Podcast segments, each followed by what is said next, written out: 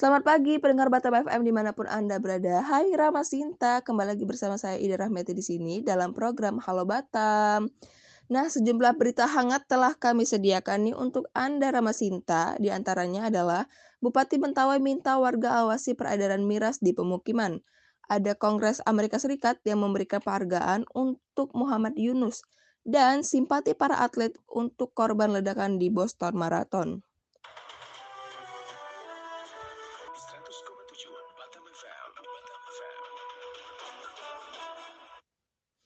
Informasi pertama mengenai Bupati Kepulauan Mentawai minta warga awasi peredaran miras di pemukiman. Bupati Kepulauan Mentawai, Yudas Sabalget, meminta warga mengawasi peredaran minuman keras atau miras yang dijual bebas di lingkungan pemukiman. Dan warga Kabupaten Mentawai tewas diduga usai mengonsumsi miras yang dibeli di warung kelontongan. Yudas mengatakan miras tak boleh beredar sembarangan karena dijual bukan di tempat tertentu, melainkan di tempat yang melanggar hukum yaitu tempat pemukiman warga.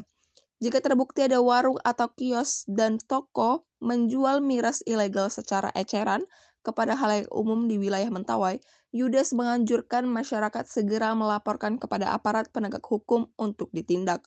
Yudas juga khawatir peredaran miras yang mudah diperoleh pembeli itu dikonsumsi oleh kaula muda, maka itu perlu peran keluarga dan pendidik agar anak-anaknya tak terjerumus menikmati miras.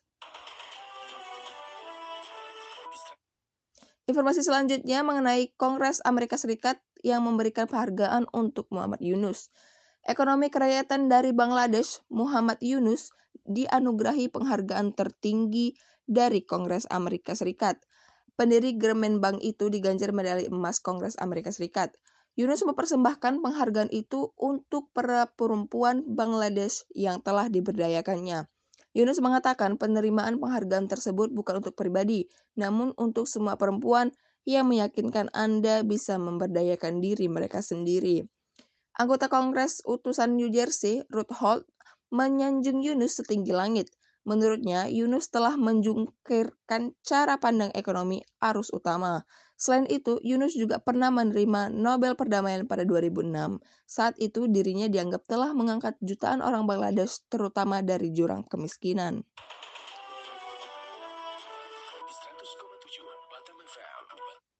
Dan informasi yang terakhir datang dari dunia olahraga seputar simpati para atlet untuk korban ledakan di Boston Marathon.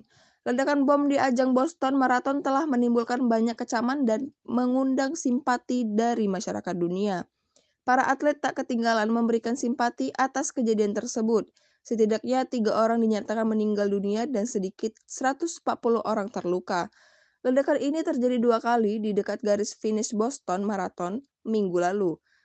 Simpati terus mengalir bagi para korban sering berusaha pihak berwenang menemukan pelaku pengeboman. Tak sedikit nih yang menyatakan berasukawa dan mengirim doa.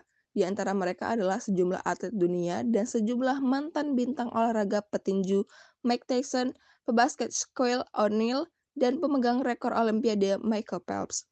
Demikianlah sejumlah berita dan informasi terhangat yang dapat kami sampaikan ke ruang dengar Anda Rama Sinta. Selamat pagi, selamat beraktivitas, dan sampai jumpa.